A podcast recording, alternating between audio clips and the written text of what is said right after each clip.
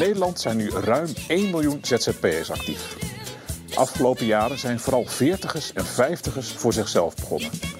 Op dit moment vormen hoogopgeleide 45-plussers de grootste groep. Zij vormen ongeveer een kwart van het totaal. Uh, de belangrijkste resultaat van mijn onderzoek was dat um, verouderingseffecten zijn wel aanwezig uh, in mensen van de middelbare leeftijd. Dus de hersenen van iemand van de middelbare leeftijd moet dan harder werken en is uh, minder efficiënt dan iemand van een jongere leeftijd. In deze podcast gaan we in op de vraag hoe houdbaar is een flexibele schil als ZZP'ers vergrijzen. Mijn naam is Meijnerd Schut. Ik ga deze vraag afpellen als een soort ui. En dat doen we met Rachel van Raan van Plecht Vos, bouwbedrijf. Beatrice van der Heijden, hoogleraar strategisch HRM aan de Radboud Universiteit in Nijmegen. En Martine Bolhuis, partner HR Open bij Centraal Beheer. Welkom. Ja, dankjewel. Dankjewel. Welkom. Dank u. Welkom ook Beatrice via de lijn. Um, even een persoonlijke vraag, want we hebben het hier over vergrijzing. Hier in de studio zie ik geloof ik geen grijze haren, behalve een enkeling bij mezelf. Uh, jullie zijn nog niet van de vergrijzende leeftijd? Nou ja, wel 40 plus. Ach, Martine? ja, ik vind het wel een leuke vraag om mee te beginnen. ik ben uh, inderdaad uh, 40 plus en volgens mij zit ik precies op het gemiddelde van de huidige arbeidsmarkt. Want volgens mij is dat ongeveer 47 jaar bij de meeste bedrijven. En dat vind ik ook wel meteen een interessante. Wat is vergrijzing? Ja. En als wij zien dat 47 de gemiddelde leeftijd is, hoe kijken wij dan ja. naar die doelgroep wat bijna de helft van onze uh, werknemers is. Nou, jullie zien er allebei uit van ruim onder de 40, kan ik hier Kijk. zeggen in de studio. Ja. Uh, Beatrice, hoe zit het met jou? Ik heb ook een leuke kapper. en ik ben 22. Ik ben 22 september heel gezond 50 geworden. Gefeliciteerd nog daarmee. Dankjewel. Dankjewel. Uh, we, we, zijn allemaal boven de 40, ik ook. Ik zal het dan ook eerlijk bekennen. 45, bijna op het gemiddelde dus. Uh, en licht kalend aan het worden. Maar vinden jullie het lastig om bij te blijven? Dat is de tweede persoonlijke vraag over dit onderwerp eigenlijk. Ja, als zodra je zeg maar van school afkomt, heb je een bepaalde bagage ja. meegekregen om, om je werk te doen. Maar je moet je wel continu blijven ontwikkelen. En in het begin gaat dat wel makkelijker. Naarmate je ouder wordt, ja, moet je wat meer inspanning uh, daarvoor leveren. Vergelijk het zeg maar met, met hardlopen. Vroeger had je snellere conditie. En als je nu even een week ja. niks gedaan hebt, ja, dan moet je wel even iets meer inspanning uh, verrichten. Ja, dus, ik weet er alles van, helaas. Martine? Ja, ik merk dat de omgeving mij uh, continu laat leren. Echt in die veranderende omgeving van wat er gebeurt binnen bedrijven, maar ook binnen het HR-vak. Dus in die zin, learning on the job, continu uh, aan het ontwikkelen. Ja. En dat uh, houdt mij bij en dat houdt me scherp. Ja. ja. Beatrice, jij hebt natuurlijk te maken met studenten elk jaar. Houden die jou ook jong? Nou, absoluut. Ja. Ik denk dat het uh, vooral is dat ik uh, zelf ook mijn kennis heel goed bij moet houden. En ook op een uh, bevlogen manier de kennis over moet brengen. En naast het doseren ben ik natuurlijk ook wetenschapper. En met heel veel plezier. En ik denk dat het is bekend uit RD-onderzoek dat er echt ook wel weer een tweede piek komt rond het 50ste levensjaar. Waarin je toch wat expertise gewoon heel breed toe kunt passen. En ik denk dat ik daar nu wel van aan het genieten ben. Ja, nou, dat is allemaal heel Oh, goed nieuws voor ons allemaal. Heel goed nieuws. Mooi. Wat, wat, we gaan uitzoeken tijdens deze podcast is wat een flexibele schil houdbaar maakt. En dat heeft dus met vergrijzing te maken. En wie moet ervoor gaan zorgen dat die flexibele schil in conditie blijft? Want we hebben niet alleen maar medewerkers die ouder worden, maar inderdaad ook uh, uh, ZZP'ers die ingehuurd worden. En die worden ook ouder. Uh, we gaan kijken of het lastiger wordt naarmate je ouder wordt om bij te blijven. Uh, Martine, even naar jou. Voor Centraal Beheer is deze vraag heel relevant. Dat jullie er inderdaad graag over gesprek willen. Waarom precies? Nou, het, is een van de vragen waar uh, werkgevers tegenaan lopen... waarmee wij in gesprek zijn. Het gaat over inzetbaarheid. Ja. He, je noemde al, van het is heel belangrijk... dat ook die flexibele schil inzetbaar blijft voor de langere termijn. En hij is nu ontzettend actueel... omdat we zien dat die arbeidsmarkt zo ontzettend krap wordt. En uh, ik zie aan de andere kant ook bedrijven nog wat worstelen met oude patronen. He, dus uh, mensen zijn ontzettend gericht op hun eigen medewerkers, medewerkers die in vaste dienst zijn, ontwikkelen en uh, uh, laten groeien voor ja, de toekomst van het wel, bedrijf. Er zijn wel ontwikkelingspotjes, die Ja. staan klaar, maar die zijn altijd gericht op mensen die Juist. in dienst zijn. Ja, en mijn idee is bij de toekomst van de arbeidsmarkt... is dat wij veel meer ook vanuit werkgeverschap breder moeten kijken naar het arbeidspotentieel. Dus ook buiten onze eigen medewerkers kijken naar de medewerkers die af en toe bij ons werken en uh, met ons uh, bedrijf bouwen. Ja. jullie willen daarover in gesprek met bedrijven. Nou, een van jullie klanten is Plecht Vos. Rachel van Raan, hoofd HRM bij Plecht Vos, bouwbedrijf. Um, Rachel, kun je even voorstellen aan jullie bedrijf. Wat doen jullie precies? Ja, bouwen, maar... Ja, nou, Plechvos is een, eh, is een familiebedrijf uh, wat al ruim 110 jaar bestaat. Het is een uh, ontwikkelende bouwer. Wij geven vorm aan woonwerk en leefplezier. wat wil zeggen dat wij woongerelateerde producten realiseren. Dat doen wij met 370 mensen in dienst. Zo. Maar ook daarheen een behoorlijke flexibele schil omheen met vaste partners. Hoe groot is die? Als ik kijk, voor de crisis hadden wij circa 800 medewerkers in dienst. Met dezelfde omzet en margeniveau dan nu. En nu doen wij dat ongeveer met de helft. Uh, Dat geeft wel ongeveer een indicatie van de flexibele schil die wij om ons heen georganiseerd hebben.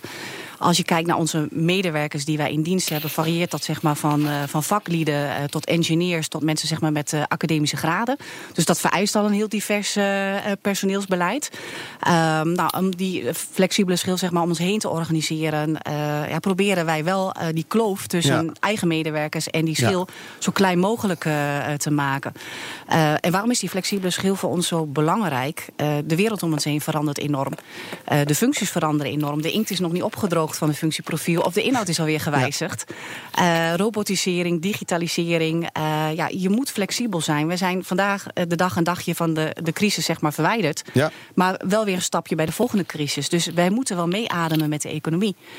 door flexibel te blijven. En je wilt talenten aan je binden. Ja. die nu bij je passen, maar ook naar de toekomst toe. om zeg maar een concreet maar dan voorbeeld... is het dus ook heel belangrijk, als ik je mag onderbreken... dat die flexibele schil bijblijft. Absoluut. Duurzaam inzetbaarheid geldt zowel voor je eigen medewerkers als voor de mensen zeg maar, in die schil. Uh, bijvoorbeeld mensen die wat langdurig aan ons verbonden zijn, nemen ook mee in onze centrale introductie. Met de partijen waarmee wij samenwerken, maken ja. ook afspraken over dat zij ook uh, mede uh, gaan ontwikkelen. Want die duurzaamheid, inzetbaarheid gaat verder dan zeg maar opleidingen. Die duurzame inzetbaarheid gaat zich echt op van hoe bewust ben jij dat jij wendbaar blijft, flexibel blijft, maar ook jezelf ook blijft ontwikkelen. En ja. dan komt het erop neer dat je gaat ontdekken voor jezelf hoe leer ik. Uh, de ene leert uit een boekje. Uh, en naarmate je ouder wordt, leer je door deskundigheid. Ja. En daar heb ik wel een heel mooi voorbeeld van. Vorige week uh, sprak ik een, een, een, een oude ervaren rot in het vak, een kostendeskundige. die nu verbonden is als ZZP'er aan onze jonge engineer. Die op die manier het vak gaat, gaat leren. Want de calculatoren zijn gewoon bijna niet meer te vinden in de, in de bouwbranche. Nou, en op die manier vindt dan kruisbestuiving plaats. Dus ja, wat de hoogleraar net zojuist aangaf. Ja, die, die tweede fase, daar zit zoveel Ja. kennis. En breng jong en oud bij elkaar. En breng jong en oud bij elkaar. En uh, dan kan die jongere zich ontwikkelen op, op inhoud. Die jongere heeft vaak wel andere vaardigheden waar die oudere ZZP'er weer van kan leren. Zo op je kruisbestuiving. Ja. En ja, wij zien wel twee verschillende zeg maar, situaties. Zoals, ja, vorige week spraken we iemand die met pensioen gaat en vraagt: mag ik alsjeblieft nog twee dagen flexibel werken? Want het werk is wie ik ben en ik heb nog zoveel kennis over te dragen. En, maar aan de andere kant spreek je iemand die denkt: hoe kom ik nog naar mijn pensioen en hoe hou ik überhaupt die 2,5 jaar nog vol? Terwijl ik dan denk: ja. ja, 2,5 jaar. Uh, ik hoop dat je ook nog fit bent na je pensioen. Nou, precies. Ja. Dus daar zijn wel voorbeelden van. En ook die, die versnelling, dat iemand zegt: ja, maar ik heb nu nog een hele stapel werk op mijn bureau liggen. Ja, in de dag van vandaag, in de dag van vandaag ben je fit, maar in de dag van overmorgen is een heel deel van je werk eh, Hoe, hoe, gedigitaliseerd. hoe zit het met die vergrijzing in de, in de bouwwereld, in jullie wereld? Nou, tijdens de crisis hebben we natuurlijk wel heel veel uitstroom gehad in de branche, waardoor heel veel mensen de branche hebben verlaten. En weinig nieuwe instroom, kan en ik me weinig voorstellen. nieuwe instroom. Ja, je ziet daar nu wel langzamerhand Ja, ja. weer een, Ja, een kleine kentering uh, in. Omdat het uh, uh, nu echt de arbeidsmarkt ontzettend krap is in, in de bouw. Uh, dus ja, ja, onze gemiddelde leeftijd is 42. Maar als je kijkt naar de branche in breedste zin van het woord... ja, er is natuurlijk sprake van vergrijzing. En hoe hou je vaklieden fit? Hoe hou je. ZZP'ers fit? Goeie vraag. Martine. Ja, ja wat ik uh, hoor inderdaad, hè, van uh, het enerzijds vergrijzen, anderzijds de krapte op de arbeidsmarkt.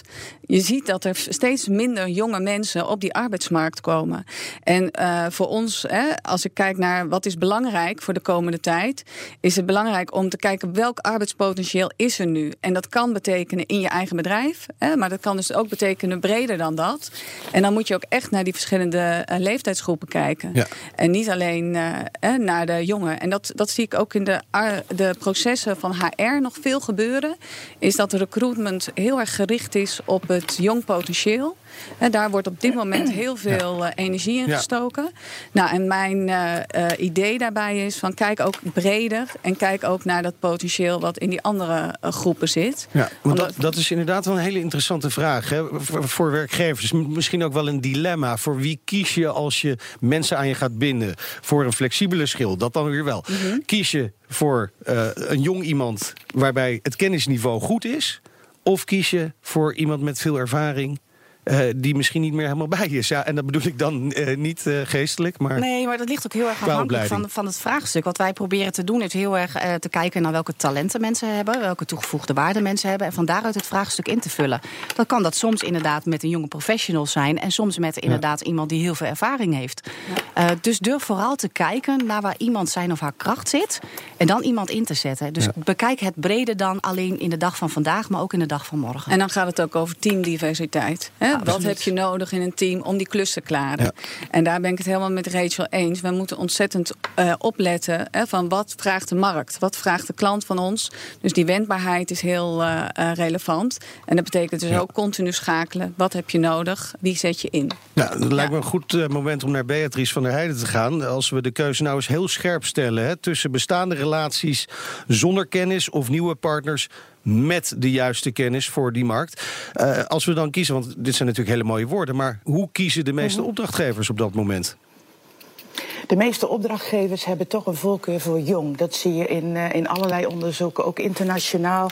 Terwijl als je eh, gaat kijken naar de mix van kennis die je nodig hebt, dan is Ja. natuurlijk recente kennis vanuit de school, universiteitsbanken heel belangrijk. Maar ook eh, het om kunnen gaan met moeilijke situaties, copingstrategieën. En daar hebben oudere werknemers en ook ZZP'ers natuurlijk wel meer, meer ervaring. Ze hebben vaker voor moeilijke keuzes gestaan en kunnen uit een breder arsenaal van kennis en vaardigheden putten. Dus ik zou toch weer de mix voor willen stellen. Ja. En ook wat ik daar, daar juist ook hoorde, dat je dus jongeren en ouderen combineert. Ten eerste eh, ga je dan leeftijdsstereotypering door de interactie van beide partijen tegen. En ten tweede heb je ook eh, dat er, ja, wij noemen dat reversed mentoring. Er gaat twee richtingen op kunnen mensen kennis delen. Het zijn verschillende type kennis en vaardigheden, dus andere competenties. Ja, oudere medewerkers hebben vaak veel meer vlieguren gemaakt dan eh, de jonge professional die zeg maar wel heel veel kennis heeft en vaardigheden heeft om dingen met elkaar te verbinden, Ja. maar niet die vlieguren heeft Maar, maar gemaakt. staan die oudere medewerkers daar wel voor open? Voor al die kennis van die eigenwijze jonge mensen? Toch zie ik dat het vaak die combinatie heel goed Ja. gaat. Want die jongeren wil heel graag leren. Die is vaak heel erg gedreven om, om zich snel te willen Ja. ontwikkelen. En die beseft ook donders goed dat die vlieguren nodig zijn. Dus die wil heel wel graag die kennis overnemen van die wat oudere, ervaren eh, medewerker. Ja. En het gaat hier ook over eh, labelen of een soort van eh, framing. Hè? Ja, van ja. hoe kijk je nou naar een oudere medewerker? Hè? Wat waardeer je? Ja. Hè? Wat, wat zie je? Wat zie je terug? Nou, en vooral Maar daar duurder. speelt. eh, Wat, Hij is vooral duurder. Hij is vooral duurder. Hij, Maar, hij bekijk, maar bekijk dat integraal. Want als Ja. iemand toegevoegde la- waarde levert en een project efficiënter eh, tot uitvoering brengt, dan levert dat uiteindelijk ook geld op. Ja. Dus Be- bekijk het breder. Beatrice? Ja, ik zou graag toch ook de rol van eh, de ontvangende partij, hè, de organisatie waar de ZZP'er dan bijvoorbeeld ingehuurd wordt. Want eh, de mate waarop er naar oudere werknemers wordt eh, gekeken bepaalt wel heel erg, dus die attitude van HR en van de leidinggevende be- bepaalt wel heel erg hoe die ZZP'er ook naar zichzelf gaat kijken. En het lastige is dat een ZZP'er natuurlijk niet in een context zit van peers, waarin je over leeftijd dagelijks kunt spreken. En je bent verantwoordelijk inderdaad voor je eigen ontwikkeling. In een crisissituatie zal eh, employability bevordering toch vaak een sluitpost zijn. Ja. Terwijl dat zo belangrijk is voor je duurzame loopbaan. Ja. En betekenisgeving. En stereotypering is natuurlijk funest voor betekenisvol eh, bezig kunnen Ja, zijn. laten we zo even hebben over die opleiding. Hè, waar je misschien als ZZP'er inderdaad wel zelf verantwoordelijk voor bent. Maar misschien ligt er ook wel een verantwoordelijkheid bij de opdrachtgever. Maar Martien, even naar, de, naar, naar jullie klanten. Hè, want dit soort issues, merk je dat dat inderdaad een, een rol speelt bij jullie klanten? Ja, dit speelt een hele grote rol. En, en, en net wa- wat ik net zei, van, ik zie daar nog een eh, ja, vast patroon in. Ja. Dat het toch nog wel heel erg wordt gekeken naar oude manieren. ook naar oude manieren van leren en opleiden. Uh, wat je ziet is dat ZZP'ers vaak worden ingezet op, uh, pro op uh, projecten die ze al eerder hebben gedaan. Ja. En uh, ik zou het prachtig vinden als werkgevers ook daarin hè, meer kansen geven aan ZZP'ers om zich te ontwikkelen. Want daarin is net als een medewerker die je in dienst hebt, het hartstikke belangrijk ja. dat die weer een stap vooruit gaat. Ja, en hier wordt dus ook bij de open dialogen veel over gediscussieerd. Hier wordt heel veel over gediscussieerd. Ja. ja. En dan gaat met name om de arbeidsmarkt, maar ook over van hoe kijk je nou naar die arbeidsmarkt en hoe kijk je naar vergrijzing, hoe kijk je naar inzetbaarheid van deze uh, doelgroep. Ja. En um, ja, dan zie ik vaak nog hè, wel dezelfde discussies ontstaan. Okay. Dus daarom is het zo belangrijk dat we nu ook andere perspectieven laten zien. Beatrice, we hebben het over de verantwoordelijkheid van de opdrachtgevers richting uh, ZZP'ers, richting de flexibele schil. Z zijn opdrachtgevers verantwoordelijk? Um, nou, als je kijkt naar um, de verbindend leiderschap en, en, termen die tegenwoordig toch echt wel uh, ja, heel belangrijk zijn, ook in onderzoek en in de praktijk, dan denk ik dat die duale verantwoordelijkheid een, een, een beginsel moet zijn. Ook, daar zit ook een stuk ethiek denken achter. Hè? Een, een werknemer, en in dit geval een ZZP'er, kan niet de employability en de duurzaamheid bewaken zonder dat een opdrachtgever daar ook respectvol mee omgaat. En daar moet je denk ik ook in de dialoog kijken hoe je oplossingen kunt vinden voor tijdelijk verminderde inzetbaarheid bijvoorbeeld. Want het binden van een ZZP'er, ook in termen van uh, continuïteit, want we zien bijvoorbeeld in de bouw dat ZZP'ers zo overbelast zijn. Ja. Nou, dan denk ik dat als, als opdrachtgever het heel belangrijk is om ook verbindend daarin te zijn, zodat die ZZP'er voor jou kiest, mocht er nood aan de man zijn om een opdracht te, te vervullen. Ja, ja to, toch zie je natuurlijk, hè, ook het huidige kabinet gaat uh, zelfstandigheid, uh, net een nieuw kabinet gaat zelfstandigheid weer ja. een beetje tegen. Die, die gaan ook meer, we moeten dus zelfstandigen hebben die die verantwoordelijkheid kunnen dragen. En dan ga je dan niet ook veel meer naar een situatie dat die zelfstandige er gewoon zelf voor verantwoordelijk is? Nou, het, het, ondernemerschap van je eigen loopbaan, natuurlijk ja. is het uiteindelijk altijd een eigen verantwoordelijkheid. Maar ik denk dat we als maatschappij, ook als je kijkt naar wat uitval, burn-out, ziekteverzuim voor de maatschappij en voor de persoon zelf vooral betekent, dan ontkom je er niet aan om toch ook als werkgever of als opdrachtgever te zorgen dat mensen uh, zinvol en productief en gezond de eindstreep kunnen halen. Daar heb je denk ik ook wel echt een, een maatschappelijke uh, ja. Dialoog voor nodig. Ja. Hoe, hoe, nemen jullie, Rachel, die maatschappelijke uh, taak? Ja, wij, wij, vinden het, wij vinden het zeg maar wel echt een gezamenlijke verantwoordelijkheid. Als ja. werkgever willen we faciliteren, maar uiteindelijk zijn mensen wel zelf verantwoordelijk voor hun eigen, uh, eigen loopbaan. Uh, dus wij proberen mensen daar wel bewust van, van te maken. Dat je zelf de regie en dat je ook meer de regie hebt dan je zelf denkt en ook meer keuzes hebt ja. dan je zelf denkt. Dus ja, wij we hebben de systematiek zo intern en extern dat we met performance en talentmanagement werken.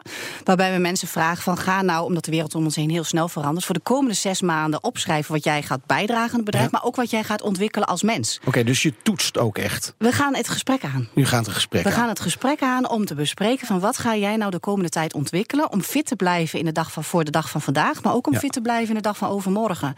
Uh, ver, vergelijk het weer met de voetbalwedstrijd. Ja. Op het moment, uh, wij vragen aan mensen, geef maar aan op welke plek jij op het speelveld wil staan. De een wil liever spits zijn en de ander is liever verdediger, maar zeg hoe je de bal aangespeeld wil hebben.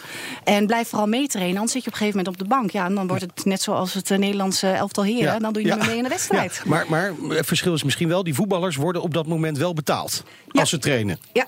Geldt dat voor ZZP'ers ook bij jullie? Uh, wij betalen een marktconform tarief. Ja. Uh, dus wij ook zeg maar qua beloning hebben, gaan we geen onderscheid maken voor mensen die wij zeg maar intern en extern hebben. Wij werken ook met vaste partijen die het ook belangrijk vinden om die ZZP'er ook een marktconform tarief okay. zeg maar te betalen. Zodat er ook budget overblijft, maar ook een gesprek wordt aangegaan okay. vanuit die vaste partijen van ga je nu ontwikkelen. Vorige week, voor een paar weken terug had ik een, een afspraak met een van onze vaste partners die ook nu echt naar een ander verdienmodel gaan ja. en de uitzendkracht niet meer als uitzendkracht benaderen, maar veel meer een vaste constructie aangaan en zich ook verantwoordelijk voelen vanuit de HR om daadwerkelijk die duurzame inzetbaarheid op te pakken. Ja. Kijk, en dan zit er win-win in en dan ben je ook bereid om dat marktconforme tarief uh, te betalen, want je houdt ook iemand inzetbaar voor nu, maar misschien voor ook weer voor over vijf jaar. Ja. Beatrice, is dit een, een, een heel mooi ik, voorbeeld? Een, ja, ik zou hier andere bedrijven moeten dit copy-pasten misschien wel?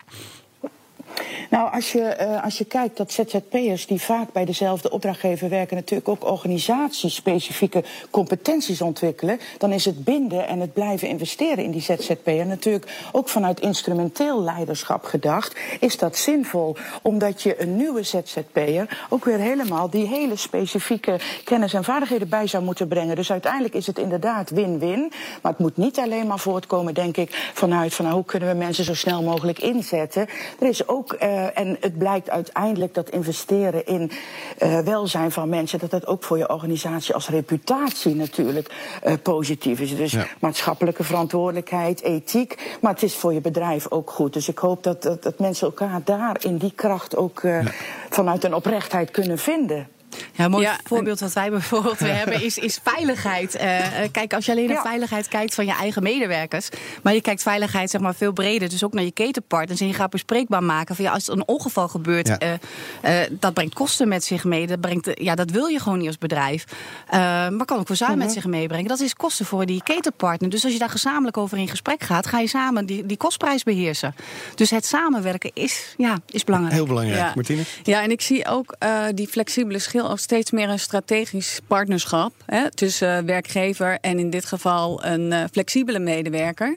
Dus dat betekent ook continu ontwikkelen, ook on the job. Ja. Hè, dus op het moment dat je een opdracht ergens bij een werkgever hebt, doe volledig mee. Uh, en vanuit werkgeverschap uh, zorg ervoor dat mensen ruimte krijgen, ook om te ontwikkelen tijdens die opdracht. Ja. Ja. Zodat mensen ook ja. weer terug willen komen. En goed werkgeverschap is voor mijn gevoel steeds meer voor die hele brede populatie. Zodat je het volle arbeidspotentieel bekijkt. En niet alleen uh, wie je nu in huis hebt, voor op het korte termijn. Beatrice?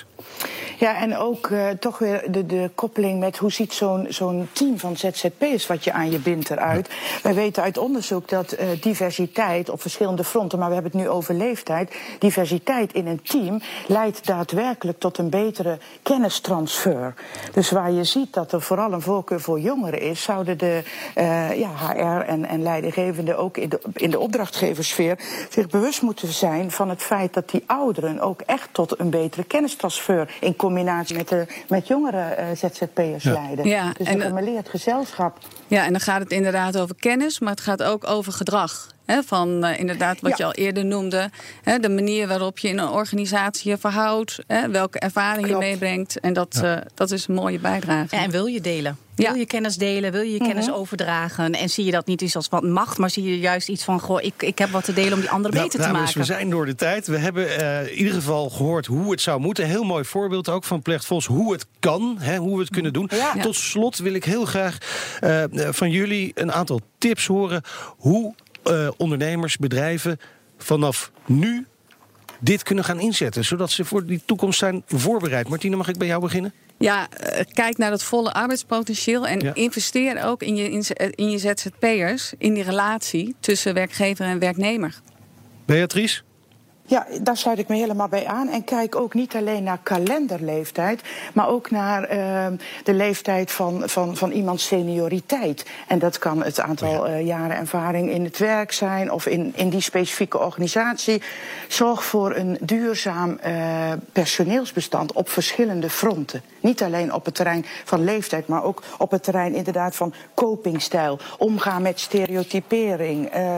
Invest willen investeren in generativiteit. Het doorgeven van kennis. Dankjewel, Beatrice. Uh, Rachel. Ja, pak de gezamenlijke verantwoordelijkheid als werkgever, als flexibele ja. schilswerknemer op om duurzaam inzetbaar te blijven. Ik dank jullie hartelijk. De ui is afgepeld. Uh, dank voor de bijdrage, Rachel van Raan, Beatrice van der Heijden en Martine Bolhuis. Luister ook naar onze andere open gesprekken en kijk eens rond op de pagina centraalbeheer.nl slash open.